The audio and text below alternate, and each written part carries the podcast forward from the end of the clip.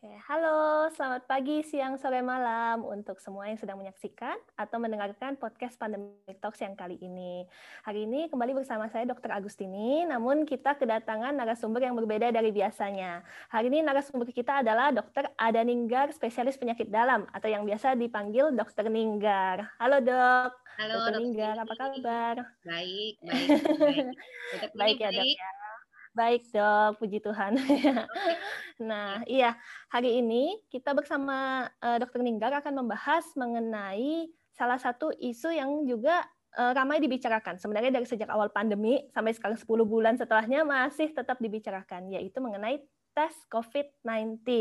Nah, tes COVID-19 ini yang seperti kita ketahui kan ada tiga jenis ya. Nah, kalau yang mungkin teman-teman pernah dengar pastinya adalah tes swab PCR. Itu pasti sudah kita dengar dari sejak awal pandemi sampai sekarang. Karena ini tes yang paling uh, menentukan tuh diagnosis COVID-19. Kemudian yang kedua adalah tes rapid antibody. Nah, ini kan juga awal-awal pandemi sampai akhir ini masih sering juga dijadikan bahasan untuk syarat perjalanan dan yang lain-lainnya.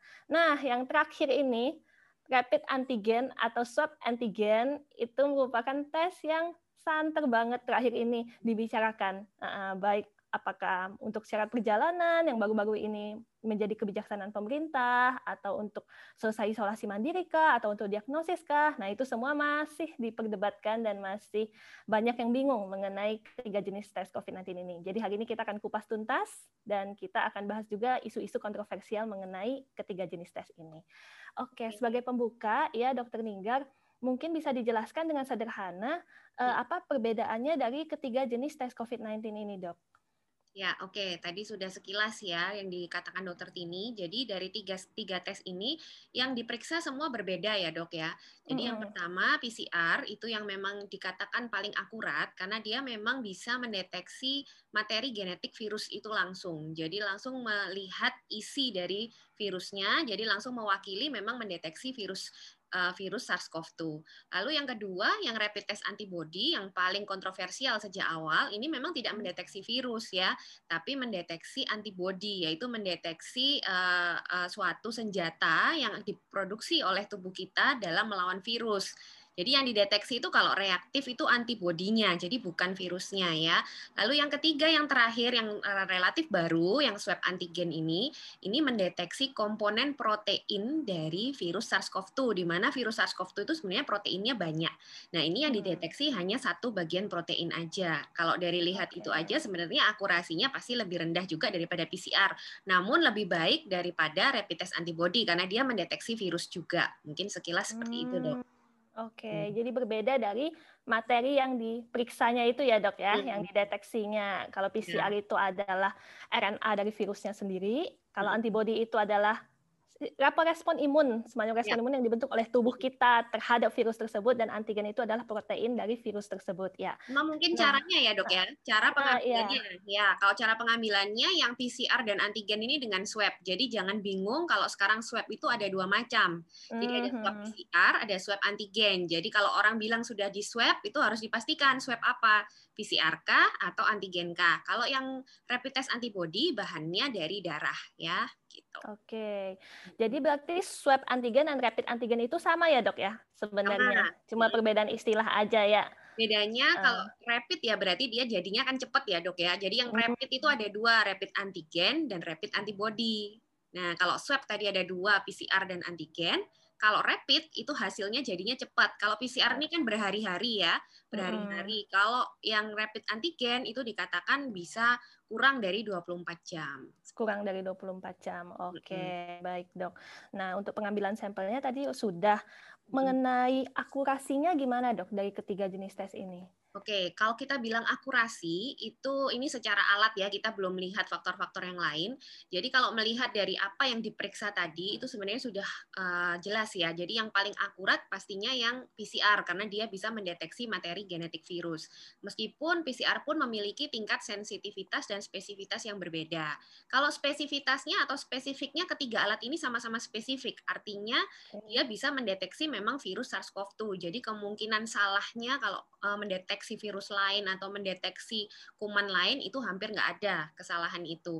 Tapi kalau sensitivitas ini sama-sama relatif ya, tergantung kondisi, tergantung gejala pasien, tergantung kapan dilakukan pemeriksaan. Jadi sensitivitas ini berkisar kalau PCR antara 70 eh, sampai 90 persen, kalau rapid uh, antibody itu lebih rendah karena kalau kalau misalnya belum terbentuk antibody dia lebih bisa menghasilkan hasil yang negatif palsu seperti itu ya. Jadi sensitivitasnya okay. cukup rendah. Jadi bisa jauh di bawah PCR. Sedangkan kalau yang rapid test antigen ini sedikit di bawah PCR. Ya, lagi pula yang boleh digunakan di Indonesia ini sudah melewati saringan dari Kemenkes ya. Jadi sudah di istilahnya hmm. sudah di apa namanya? sudah diseleksi. Jadi yang bisa beredar adalah yang sensitivitasnya di atas 80% untuk swab antigen. Kalau spesifitasnya di atas 90% okay. semua. Gitu. Oke. Okay. Jadi sekarang uh, jadi dari ketiga jenis tes ini sangat kecil kemungkinannya bisa mendeteksi virus atau jenis kuman yang lain ya dok ya kalau misalnya mm, kalau misalnya betul kalau positif kemungkinan besar itu adalah spesifik untuk SARS-CoV-2 yang menyebabkan ya. COVID-19 oke okay. nah sekarang ini kan uh, yang juga diperdebatkan di tengah masyarakat itu soal timingnya dok jadi hmm. timingnya, apa uh, tes apa yang harus dilakukan di awal infeksi, kemudian tes apa yang harus dilakukan untuk mengevaluasi kesembuhan, kemudian tes apa yang untuk syarat perjalanan dan lain sebagainya. Nah, yang seperti itu bagaimana ya dok?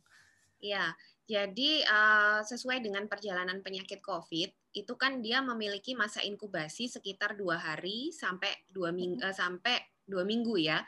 Jadi hmm. artinya di dalam masa inkubasi itu virusnya sedang bertambah banyak. Nah, pertama kita lihat PCR dulu. PCR ini sifatnya dia hanya melihat virus ini ada atau tidak. Jadi kalau dia eh, mau mendeteksi virusnya ada atau tidak, yang penting dia bisa melewati ambang batas dari alat itu, dia akan terdeteksi. Nah, itu biasanya pada H-7 sebelum muncul gejala itu sudah terdeteksi untuk PCR sampai bisa berbulan-bulan karena dia hanya mendeteksi materi genetiknya. Artinya okay. meskipun nanti dia sudah sembuh, misalnya virusnya pun sudah nggak aktif, tetap bisa terdeteksi oleh PCR. Jadi dia termasuk yang lumayan sensitif, artinya dia bisa mendeteksi sampai uh, istilahnya sisanya pun terdeteksi kan gitu ya. Ini hmm. dalam waktu bisa sampai tiga bulan dilaporkan itu terakhir 120 hari. Sedangkan okay. kalau yang rapid test antigen ini dia bisa mendeteksi tergantung jumlah virusnya atau kita sebut viral load. Jadi semakin tinggi viral load, sensitivitas alat ini akan semakin tinggi. Jadi okay. uh, eh, kalau pada kultur virus itu ya, jadi kalau ada kita terinfeksi virus itu justru jumlah virus tertinggi itu pada H-7 hari sampai H plus 7 hari setelah gejala. Jadi rentangnya hmm. lebih pendek. Nah, di hmm. di uh, rentang itu itu virus lagi banyak-banyaknya terutama pada hari-hari awal gejala. Itu sangat tinggi.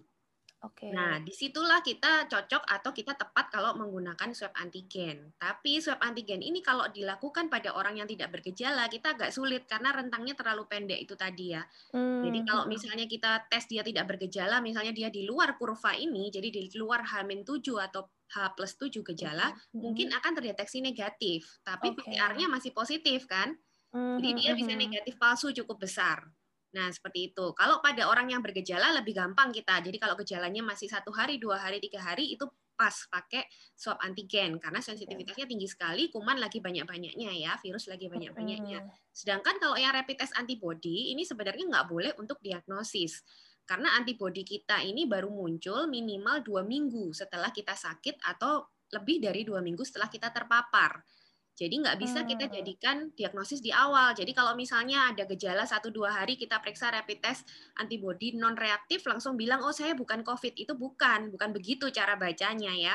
Jadi kalau non reaktif artinya antibodinya belum terbentuk. Jadi dia harus diperiksa pada saat melebihi dua, dua minggu sampai tiga minggu setelah okay. sakit atau setelah terpapar.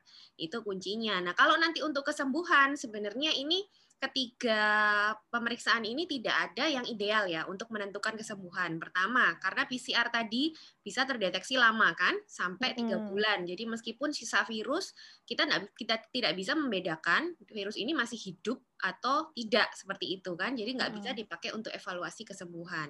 Terus yang kedua, swab antigen. Ini sama, dia kan rentangnya hanya pendek tadi di awal gejala. Jadi kalau dievaluasi pada saat dia sembuh pasti negatif Logikanya kan begitu karena viral loadnya hmm, sudah turun karena dia sangat tergantung dengan jumlah virus. Jadi semakin rendah virusnya dia semakin tidak bisa menunjukkan hasil positif. Nah, untuk rapid test antibody ini untuk mengevaluasi fase penyakitnya sebenarnya. Jadi kalau sudah terbentuk antibodi, nanti bisa kita tahu pasien ini sudah dalam kondisi sembuh atau dalam proses penyembuhan atau memang eh, benar-benar sudah infeksi lama ya itu bisa dibedakan dengan antibodi. Jadi bukan juga untuk mengevaluasi kesembuhan. Karena belum tentu orang ini eh, misalnya antibodinya terbentuk dia sudah sembuh atau belum kita juga nggak bisa tahu pasti. Tergantung gejala juga. Jadi untuk menilai iya. kesembuhan kita harus konsultasi ke dokter. Jadi nggak bisa kita cuman melihat hasil-hasil itu tadi. Jadi dilihat gejala klinisnya membaik atau tidak lalu dilihat juga uh, apakah dia sudah isolasi minimal 10 hari ya. Kalau sudah minimal 10 hari tidak ada gejala, lalu bagaimana misalnya sebelumnya ada pneumonia, ada radang paru, bagaimana foto rongsennya membaik atau tidak, lalu pemeriksaan labnya membaik atau tidak. Nah, itu baru kita uh, baru kita jadikan kriteria oh orang ini sembuh seperti itu. Jadi enggak berdasarkan tiga ini. Jadi enggak bisa. Mm -hmm.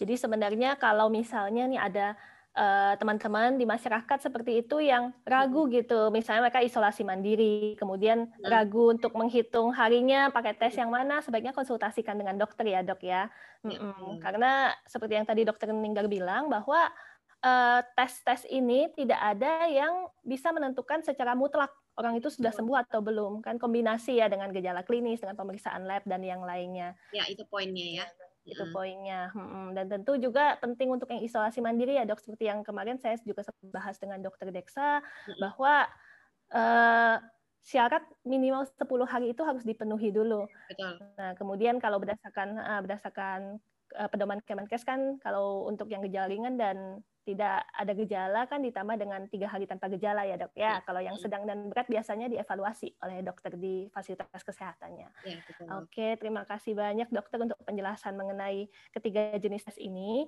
Kemudian uh, kita sekarang mungkin masuk ya dok ke isu-isu yang ya. banyak beredar di masyarakat, di media sosial juga terutama. Mungkin juga dokter Ninggar sering mendapatkan pertanyaan juga dari teman-teman di Instagram atau di medsos yang lainnya.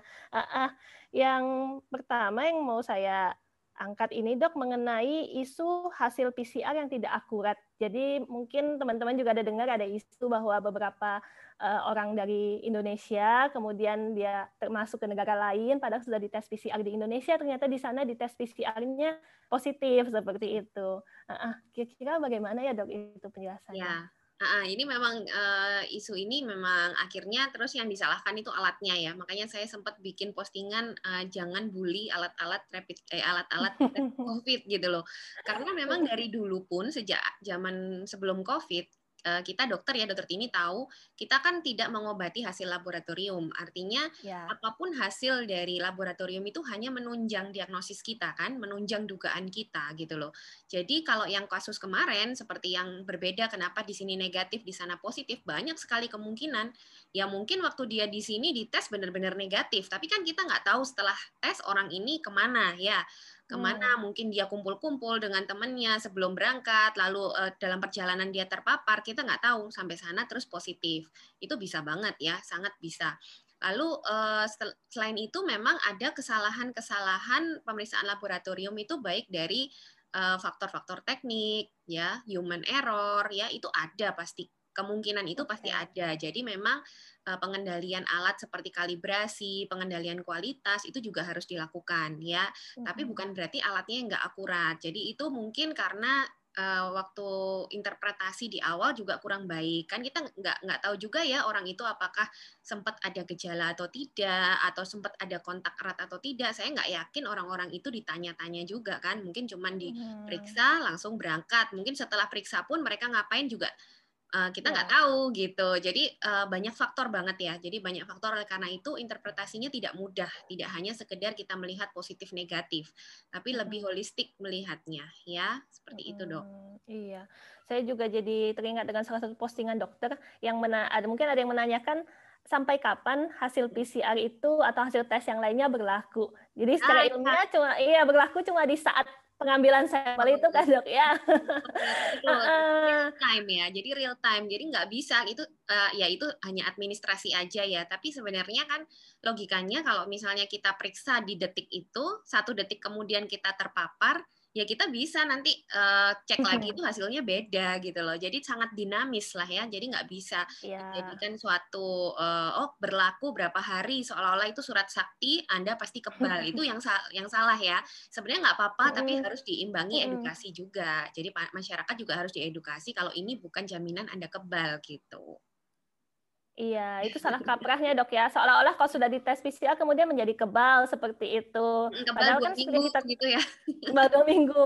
uh, kemudian yang kita ketahui juga hasil PCR kita di beberapa tempat di Indonesia masih lama kan dok. Jadi uh. misalnya saya hari ini tes, kemudian dua hari kemudian saya mendapatkan hasil bahwa saya negatif. Bukan berarti di saat saya mendapatkan hasil itu saya masih negatif seperti ya, itu.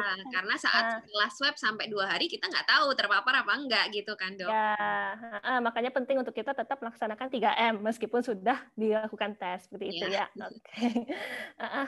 Kemudian dok uh, mengenai masih mengenai PCR ini kan uh, di beberapa laboratorium saya mendapatkan hmm. konsultasi juga dari beberapa teman mereka menyertakan hasil city value-nya juga bersama hmm. dengan hasil PCR-nya positif atau negatif city value-nya ada berapa. Nah, hmm. di masyarakat ini kadang uh, apa ya mungkin mendapatkan hasil lab tersebut tapi tanpa disertai dengan penjelasan apa makna dari city value itu sehingga muncul persepsi city value segini berarti parah, city value segini berarti masih bisa menular seperti ya, itu. Ya, ya. Nah, sebenarnya ada kaitannya nggak dok apakah city value ini bisa menentukan keparahan atau tingkat penularan? Iya, oke. Okay. Jadi city value ini menunjukkan suatu uh, jumlah dari materi genetik virus yang ada di sampel swab ya, bukan okay. di tubuh manusia. Jadi itu yang hmm. harus dipahami. Jadi ini hanya menunjukkan pada saat di swab itu ada ada berapa sih RNA virusnya. Ya memang itu bisa dikorelasikan dengan kira-kira jumlah virus di dalam tubuh itu berapa. Tapi ini dalam bentuk ideal, artinya tekniknya harus benar-benar, semuanya harus 100% perfect. Itu baru kita bisa benar-benar mengkorelasikan antara city value dengan viral load ya. Tapi kan kita nggak okay. bisa menutup kemungkinan kesalahan teknik dan lain-lain itu ada. Jadi tetap city value tidak bisa dijadikan patokan seperti membedakan uh, severitas gejala atau derajat keparahan itu nggak bisa ya belum tentu yang lebih rendah terus dia uh, lebih berat itu belum tentu ya. Lalu yang kedua juga untuk evaluasi apakah masih menular atau tidak ini juga sering ya ditanyakan. Mm -hmm. city value saya segini dok saya masih menular atau tidak ini juga nggak bisa dijadikan patokan ya. Sama yang terakhir sembuh atau tidak dengan city value ini juga nggak bisa. Terus bahkan nanti kalau sudah gitu bingung lagi kadang city value naik turun sendiri swab sekarang segini, besok swab lagi turun, kadang nanti di swab lagi tambah turun lagi, panik lagi. Nah, seperti itu. Ya yang harus dipahami city value ini bukan menunjukkan jumlah virus absolut ya. Jadi dia okay. tidak menunjukkan apa-apa, tergantung sangat tergantung dengan teknik. Yang penting tetap dilihat tadi kriteria isolasi de, uh, lewat 10 hari, lalu dilihat lagi gejalanya. Kalau sudah hilang gejalanya atau bila sebelumnya ada gejala konsultasi ke dokter. Kalau dokternya sudah bilang sembuh, ya sudah nggak usah memikirkan city value. Seperti hmm. itu, ya. Betul, Dok. Karena banyak sekali yang nanya ya, mereka bingung sendiri dengan city value itu. Oke, nah sekarang setelah PCR, kalau rapid antibody sebenarnya kan sudah sangat sering dibahas ya dok ya. Hmm. Mungkin yang sekarang masyarakat lebih ingin tahu itu tentang rapid antigen. Apalagi ada beberapa isu kontroversial yang uh, muncul di media sosial. Misalnya nih yang paling menurut saya paling paling ajaib itu adalah uh, mengenai rapid antigen dan kuah cireng, dok. Itu kan ada uh, public figure yang kemudian mengetes kuah cirengnya ke dalam alat rapid antigennya dan ternyata positif seperti itu. Yeah. Gimana nih, dok? Oke, okay, ya sekali lagi ya, alat-alat ini kalau mau kita cari kelemahannya bisa aja ya, karena alat ini juga didesain untuk uh, tujuan tertentu. Jadi kalau kita mau melakukan dengan tujuan yang tidak sesuai dengan instruksinya ya bisa akan terjadi hasil yang tidak valid. Ya contohnya aja uh, tes spek kehamilan. Misalnya kan harusnya itu kencing ya uh, ininya yang diukur. Kalau misalnya kita masukkan kuah cireng pun mungkin bisa hamil kuah cirengnya gitu ya. Jadi tiap alat kan punya instruksi atau manual instruction gimana cara uh, apa namanya memeriksa. Ya itu ya harus di harus diikuti. Kalau selama tidak ada ya tidak bisa ya. Nah kalau untuk uh, ya untuk hal itu uh, sebenarnya sudah banyak ya klarifikasi ya dokter Tini ya dari uh, sisi biomolekuler saya join dengan Pak Riza kemarin kita membahas dari segi membrannya ya nitroselulosanya itu bisa rusak kalau misalnya hmm. tidak diberikan sampel yang sesuai. Lalu dari segi kimia dari Prof Bimo dari Warstek itu juga sudah memberikan klarifikasi. Jadi pH tergantung pH karena ada buffernya. Jadi kalau pH-nya terlalu asam ya pasti akan menghasilkan hasil yang positif seperti itu ya. Sekali lagi bukan salah alatnya ya tapi salah penggunaannya salah eh, cara penggunaannya seperti itu dok. Mm iya betul. Jadi memang semua alat itu harus digunakan sesuai dengan indikasinya ya dok ya. Tidak untuk yang aneh-aneh kemudian eh, sebenarnya di media sosial saya amati juga belakang ini marak eh, beberapa orang yang menggunakan rapid antigen sebagai misalnya sebagai syarat kedatangan tamu ke rumah, kemudian iya. dilakukan sendiri di rumah oleh iya. yang punya rumah gitu di setting yang bukan fasilitas kesehatan. Nah seperti itu sebenarnya boleh nggak sih dok? Untuk ya, jelas nggak boleh ya. Jadi kalau dari instruksi uh, instruksi dari dokter-dokter patologi klinik itu kan sudah membuat juga uh, pedoman ya itu kalau yang namanya swab antigen itu tetap tidak boleh dilakukan secara mandiri. Dia harus dilakukan oleh tenaga ahli pertama. Yang kedua juga hmm. harus menggunakan APD loh ya. Jadi harus eh, sama-sama itu kan kalau orang buka mulut atau hidung yang tidak ditutup masker itu kan eh, potensial aerosol juga. Jadi tetap hmm. harus dilakukan di tempat yang aman ya. Jadi memang eh, level level laboratoriumnya khusus, orangnya juga harus pakai pakai precaution. Jadi dia harus pakai APD dan tidak bisa dilakukan atau tidak boleh dilakukan oleh tenaga yang tidak ahli atau tidak terlatih karena resiko kesalahan pasti tinggi. Jadi hmm. saya tidak menyarankan ya untuk hmm. uh, melakukan secara mandiri gitu. Hmm. Karena itu juga kan pengambilan sampelnya tidak gampang ya dok ya itu dengan cara swab ke nasofaring atau orofaring kan dok di belakang tenggorokan kalau salah nah cara juga bisa melukai, bisa cedera seperti itu kan ya. Uh, uh, kemudian hasilnya juga bisa menjadi nggak akurat ya dok ya. Nah, uh, yang terakhir juga mau saya tanyakan, mungkin yang juga ramai dibahas seiring dengan makin banyaknya orang yang melakukan isolasi mandiri, hmm. apakah rapid antigen ini bisa dok untuk menentukan seseorang itu sudah selesai isolasi mandirinya atau belum? Seperti ya. itu. Iya, banyak memang yang nanya ya, apakah bisa menggantikan PCR. Jadi mungkin PCR terlalu hmm. mahal, jadi kalau orang swab berulang-ulang juga agak berat. Nah, ini sayangnya nggak bisa ya, karena rapid antigen atau swab antigen seperti yang tadi saya jelaskan, dia hanya sensitif, sensitif, sensitifnya itu sangat hmm. tergantung jumlah virus. Jadi dia sangat baik untuk diagnosis di fase awal penyakit di mana virusnya masih banyak.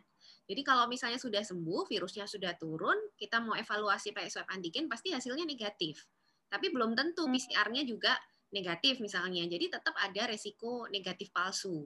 Ya, jadi ya lebih baik kalau memang nggak nggak bisa hmm. melakukan PCR ya konsul ke dokter. Kalau dokter bilang sembuh secara klinis ya sudah nggak usah periksa seperti itu daripada periksa swab antigen ternyata dia masih negatif palsu. Artinya dia sebenarnya masih menular tapi karena hasilnya negatif dia nggak konsul ke dokter jadi salah salah persepsi kan, jadi salah interpretasi hmm. malah lebih berbahaya gitu. Hmm, iya. Setuju sih dok. Mungkin kan ada orang yang misalnya isolasi mandiri 10 hari minimal itu kelamaan. Jadi misalnya di hari ke-7, hari ke-8, saya coba tes rapid antigen deh gitu. Kemudian negatif, oh ya udah saya selesai isolasi mandiri. Nggak boleh ya. Nggak boleh. Kemarin nggak boleh. Jadi isolasi hmm. itu harus minimal 10 hari harus diselesaikan. Meskipun hmm. di tengah-tengah pun PCR-nya negatif, tetap harus diselesaikan gitu. Jadi bukan berarti terus tiga hari cek negatif terus keluar isolasi itu nggak boleh. Masih menular fasenya. Jadi 10 hari itu adalah fase menular. Tetap nggak mm -hmm. boleh iya Iya dok, uh, uh, betul sekali. Dan tentu saja uh, penjelasan kita semua dari tadi sampai sekarang ini berdasarkan bukti-bukti terbaru yang ada saat ini ya dok ya. ya pasti. Uh, uh, jadi kan yang namanya ini penyakit juga masih baru COVID-19 ini, sains juga terus berkembang, tidak menutup kemungkinan untuk besok dan ke depannya ada penemuan-penemuan baru lagi nanti akan disesuaikan. Yang penting sampai saat ini bukti-bukti uh, penelitian menunjukkan seperti yang kita sudah bicarakan dari tadi ya dok ya. Oke. Okay. Uh, Oke okay, iya dari saya uh, sudah cukup dok. Apakah ada yang mau ditambahkan oleh dokter Linggar? Ya kayaknya ya itu yang semakin yang uh, banyak ditanyain ya. Semoga membantu lah ya. Hmm. Semoga bermanfaat untuk teman. Ya. Oke deh, semoga bermanfaat. Terima kasih banyak Dokter Ninggar. Kasih, Sekian podcast kita.